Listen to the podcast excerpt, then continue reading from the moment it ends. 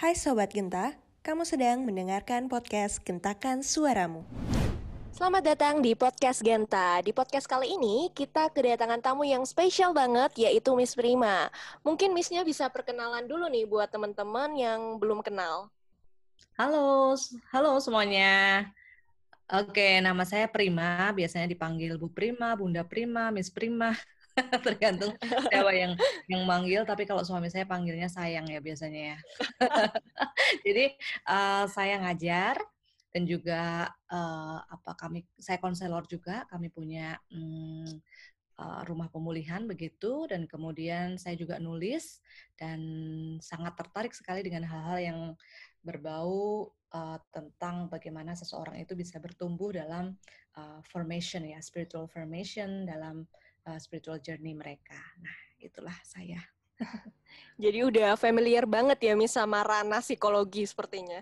Ya, dari saya sekolah awal kam, memang itu yang kami belajar.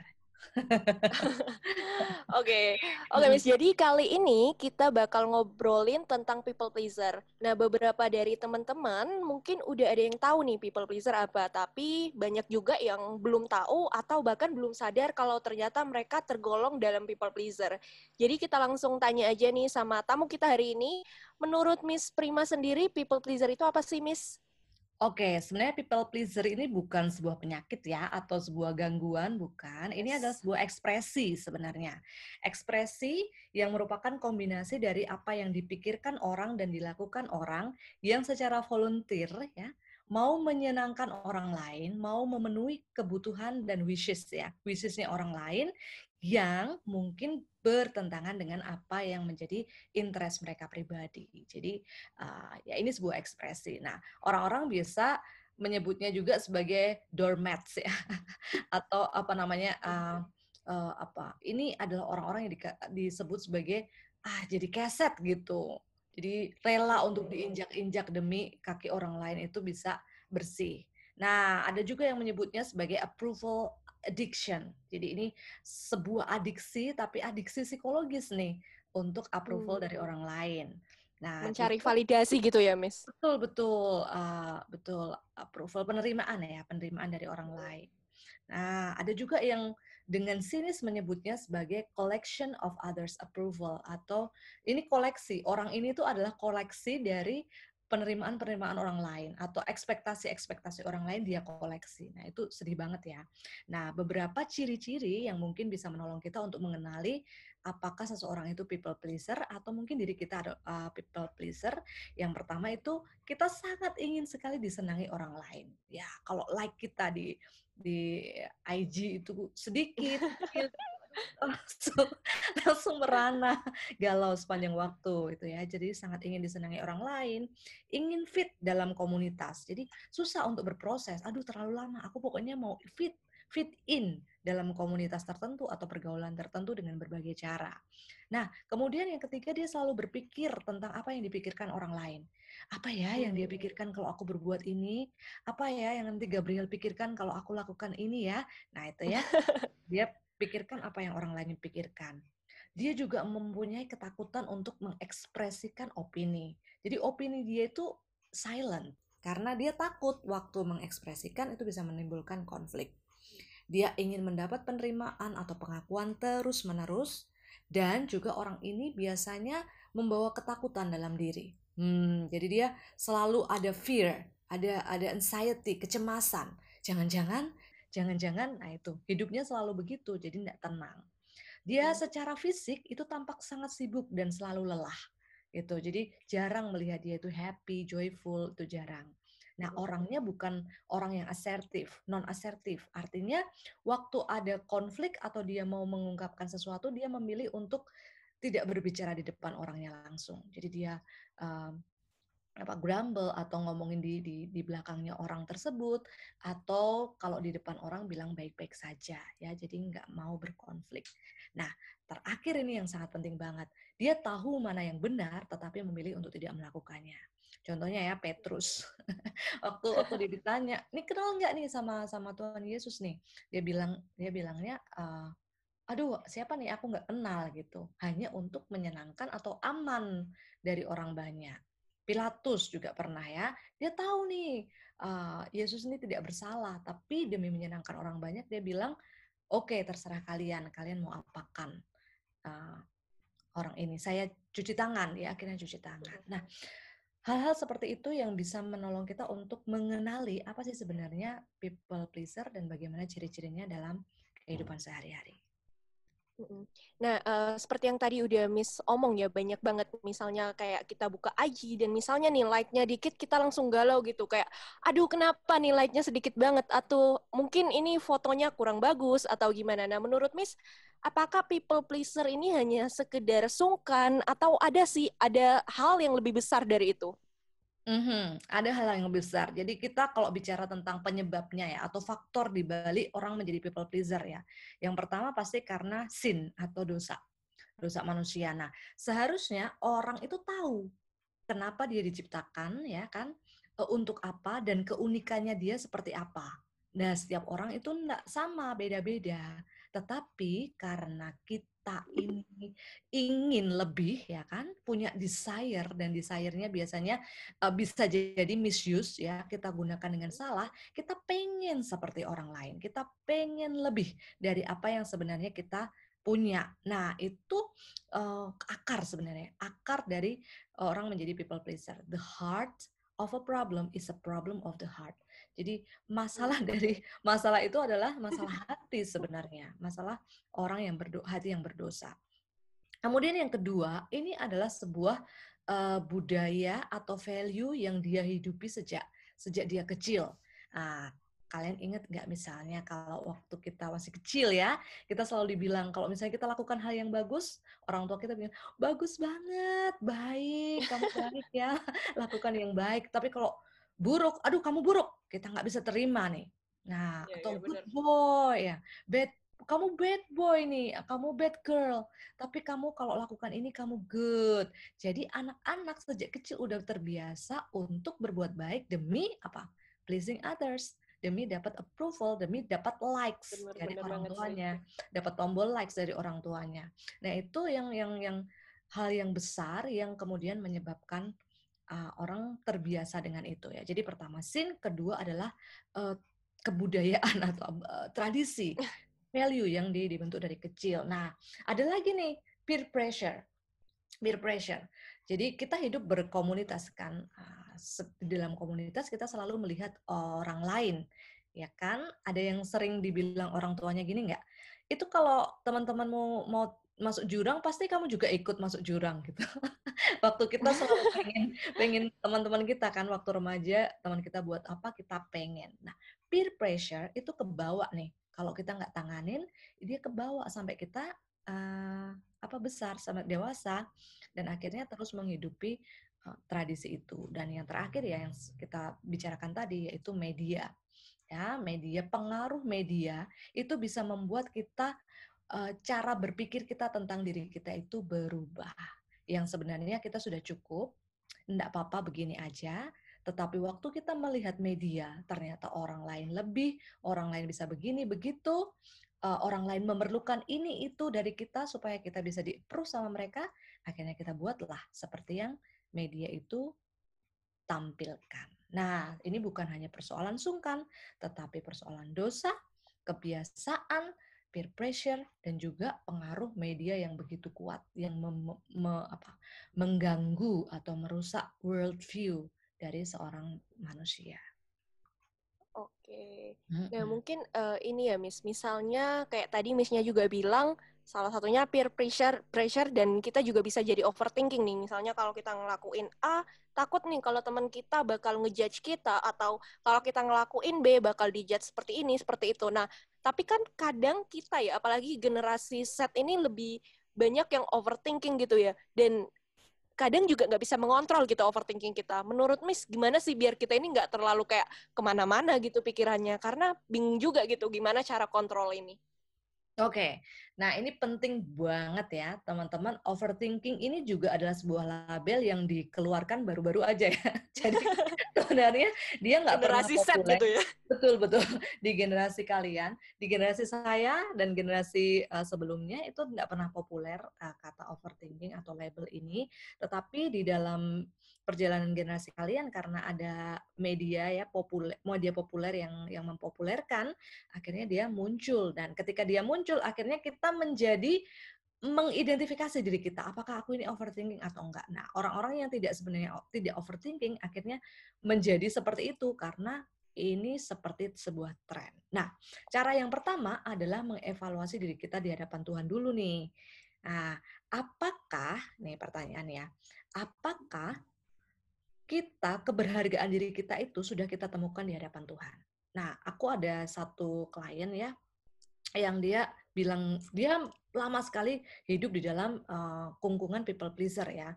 Jadi waktu dia menikah pun dia berusaha terus untuk menyenangkan suaminya sampai akhirnya dia tidak kenal dirinya sendiri itu siapa gitu dia pakai topeng dia senangkan mertuanya senangkan suaminya terus sampai dia nggak kenal dirinya dia ini siapa dan melalui sesi-sesi konseling akhirnya dia mengerti bahwa uh, selama ini dia salah dia memakai topeng topeng macam-macam topeng Cinderella topeng putri salju topeng macam-macam tapi sebenarnya dia adalah uh, the princess of God. Nah, waktu dia ketemu kalimat ini, kata ini ya, frasa ini ya, I am the princess of God, and it's enough dia bilang. I am the princess of God and it's enough. Itu menyetop dia dari terus gaining approval ya minta approval dari siapa pun hmm. dan menjadi orang lain nah di situlah dia mulai uh, hidup dengan cara berpikir yang baru sebagai the princess of God apa yang Tuhan mau itu yang dia lakukan itu jadi yang pertama supaya kita tidak overthinking kita harus menemukan nih siapa kita di hadapan Tuhan Nah, itu mesti ketemu dengan cara apa? Ya, berrelasi dengan Tuhan dengan benar setiap hari. Itu yang pertama nih. Nah, kemudian yang kedua, change your way of thinking atau kita ubah cara berpikir kita tentang diri kita. Cara berpikir kita tentang diri kita yang paling toksik itu apa? Membandingkan diri kita dengan orang lain. Nah, itu, lain. ini comparing ini, ya. Betul, comparing. Di zaman kami dulu, mau comparing tapi nggak terlalu banyak nih yang di compare soalnya kan nggak ada media media nggak terlalu benar. kencang betul tapi masuk ke zaman kalian generasi Z Gen Z uh, ya udah comparing itu gampang banget dengan hanya melihat uh, Instagram satu menit kalian udah lima atau enam orang yang comparing dengan diri kalian dan itu uh, dan itu apa namanya membuat cara pikir kita bisa berubah gitu, berbeda dan berubah. Jadi kita ganti, kita ubah cara kita berpikir. Ya, berubahlah menurut pembaruan budimu kan. Jadi uh, cara berpikir kita kita ubah.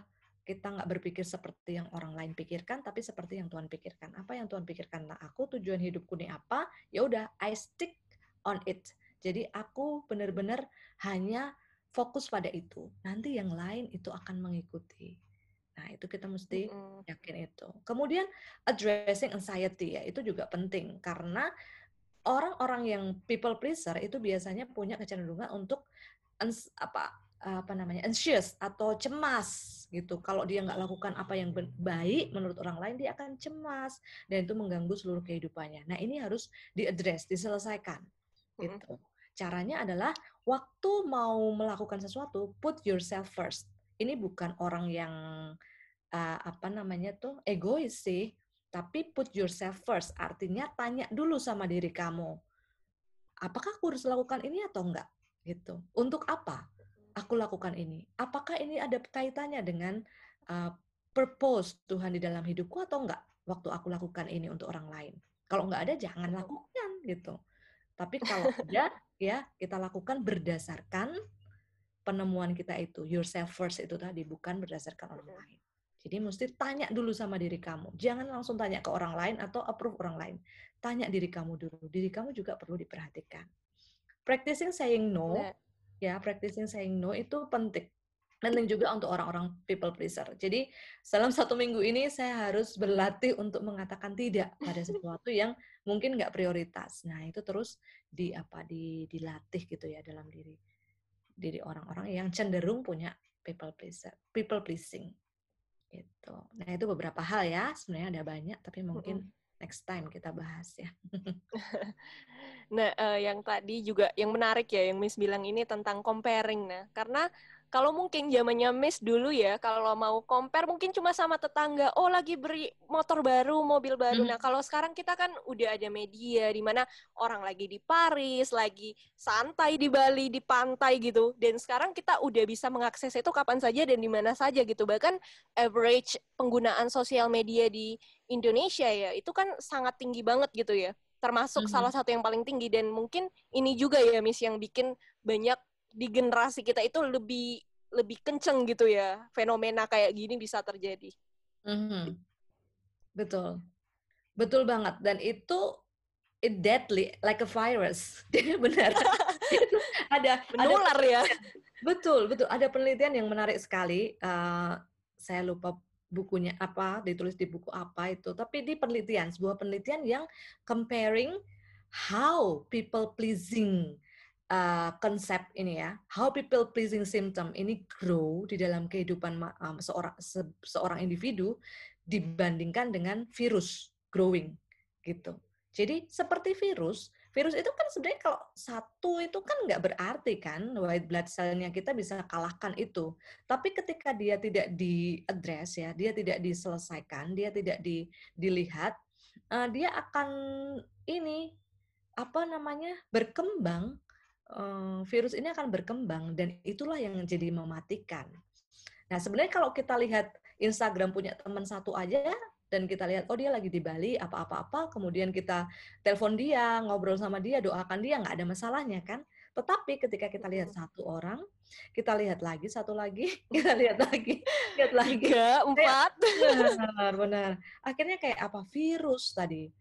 Akhirnya kayak virus yang berkembang dalam diri kita dan kalau kita tidak stop itu menguasai diri kita betul-betul eh, menarik diri kita dari diri kita sendiri akhirnya kita mengenakan kacamata yang berbeda, cara pandang yang berbeda, dan meninggalkan diri kita yang sesungguhnya gitu. Nah, tadi Miss-nya juga bilang uh, tentang anxious ya. Menurut Miss, bisa nggak sih kalau misalnya orang yang terlalu terjebak nih di di lingkungan dan bahkan dia sendiri adalah orang yang people pleaser, mungkin nggak sih apakah dia bisa sampai anxiety disorder sampai bisa sejauh itu atau gimana, Miss? Mm-mm. Iya, kalau dia akan mengalami anxiety itu iya, tapi kalau sampai disorder sebagai dia sebagai disorder mungkin enggak ya, karena itu punya hmm. gejalanya sendiri, punya apa faktor-faktor penyebabnya sendiri. Hmm. Tapi bahwa dia akan anxious dengan hidupnya itu pasti. Tadi uh, salah satu cirinya kan dia punya fear and anxiety kan. Dia selalu diikuti kecemasan dan uh, ketakutan kalau dia tidak bisa menyenangkan orang lain Padahal orang lainnya banyak nih dalam hidupnya dia. ya kan? Jadi ketakutan sama kecemasan itu akan selalu ada dan itu nyata sekali. Setiap hari bahkan tidak akan tenang hidupnya, nggak akan damai. Oke, nah Miss ini nih yang terakhir, uh, nah kan kita setelah ngobrolin tadi tentang people pleaser kan, kita jadinya konotasinya berarti people pleaser ini sesuatu yang negatif gitu. Tapi kan ada juga nih Miss yang bilang kayak kan kita bakal happy kalau orang lain happy kayak misalnya Mother Teresa kayak she devoted her life to the poor gitu kan ya dan mm -hmm. bilang kalau uh, yang penting orang lain happy kita bakal happy menurut Miss itu gimana? Oh ya itu sangat keliru ya kita ada istilah yang namanya amateur provider yaitu hmm. seorang provider penyedia penyelamat yang amatir itu namanya mengorbankan diri. Nah, gini, waktu uh, Tuhan me, me, mengutus kita ke dunia itu sebenarnya bukan untuk menyenangkan orang lain, tapi menyenangkan Tuhan. Ya, kalau kita menyenangkan Tuhan, we got the joyfulness gitu. Bukan sebagai upah ya, tetapi uh, proses itu sendiri akan menolong kita untuk merasakan joyful karena itu, untuk itulah tujuan kita. Tetapi kalau kita menyenangkan orang lain, kita akan kering, akan habis karena bukan itu tujuan kita untuk uh, diciptakan gitu. Nah, kita mesti cek nih, waktu kita mau menyenangkan orang lain ya, mau melakukan sesuatu untuk orang lain, apakah itu kehendak Tuhan atau bukan nih? Kalau itu bukan kehendak Tuhan, kita sedang menyenangkan orang lain, bukan menyenangkan Tuhan, dan itu akan membuat kita amateur provider, provi, hmm. apa, penyelamat, penyedia yang amatir. Kita akan habis di sana, gitu. Jadi itu yang pertama. Kemudian yang kedua, ini masalah desire gitu atau keinginan. menyenangkan orang lain itu juga sebuah desire loh. Gitu. Dan dan desire untuk menyenangkan orang lain memang tidak buruk atau tidak negatif. Tetapi ketika desire itu tidak ditempatkan pada tempat yang tepat, yaitu aku mau menyenangkan Tuhan dengan cara menyenangkan orang lain, tapi dibalik aku mau menyenangkan orang lain nih supaya Tuhan senang, supaya apa? Nah, itu terbalik ya. Nah, kalau desire itu ditempatkan tidak pada tempat yang tepat, dia akan jadi misused atau uh, salah guna. Nah, kalau dia salah guna, pasti akan tidak akan berdampak baik. Contohnya kayak misalnya uh, menjadi seorang yang kaya gitu, itu kan sebenarnya nggak nggak salah kan? Tetapi ya, ya. kalau dia diletakkan dalam tempat yang salah, aku mau kaya, kaya, kaya untuk menyenangkan Tuhan. Nah, kebalik kan? akhirnya jadi misuse nanti. Kita akan mengejar yang itu, hmm. bukan mengejar karena purpose of our life. gitu ya. Betul. Akhirnya jadi trap apa? Uh, jebakan untuk diri kita sendiri. Hmm. Malah jadinya kita sacrifice ourselves untuk happiness orang lain, malah tapi kita yang suffer inside gitu ya, Miss. Betul, kita suffer inside dan itu un, unusual gitu. Kalau kita suffer inside for something that we meant to be, we are created to be, itu bagus ya kan? Kayak Paul, Paul diciptakan untuk mengabarkan Injil misalnya. Ya udah dia kabarkan Injil itu tujuannya itu bukan untuk menyenangkan orang lain tapi mengabarkan Injil. Dia menderita tapi nggak kerasa menderita karena apa? Dia lakukan iya, sesuai dengan lokusnya, sesuai dengan tempatnya. Mm -hmm. Uh, uh, betul. Tapi kalau kita tempatnya itu menyenangkan orang lain, kita akan um, suffer inside. Betul katamu tadi. Oke, okay. oke. Okay, jadi uh, ingin menyimpulkan bahwa penyebab dari people pleaser ini ada empat ya teman-teman. Yang pertama itu sin atau dosa, yang kedua adalah budaya, yang ketiga adalah peer pressure, dan yang keempat adalah media. Nah, Eh, kita juga perlu menyadari siapa diri kita sehingga kita bisa terlepas atau ter terhempas gitu dari jebakan people pleaser. Terima kasih Miss Prima udah hadir. Sama-sama, thank you for having Iya, tak terasa tak terasa waktu kita sudah habis. Seru banget hari ini bisa bahas topik yang mungkin masih jarang juga nih dibahas sama orang-orang dan mungkin banyak orang yang belum sadar kalau mereka tergolong dalam people pleaser. Nah, untuk Sobat Genta yang ingin terus mendapat banyak konten menarik, apalagi tentang self-improvement, stay tune terus di podcast Gentakan Suaramu. Terima kasih. Terima kasih Sobat Gentas sudah mendengarkan podcast ini.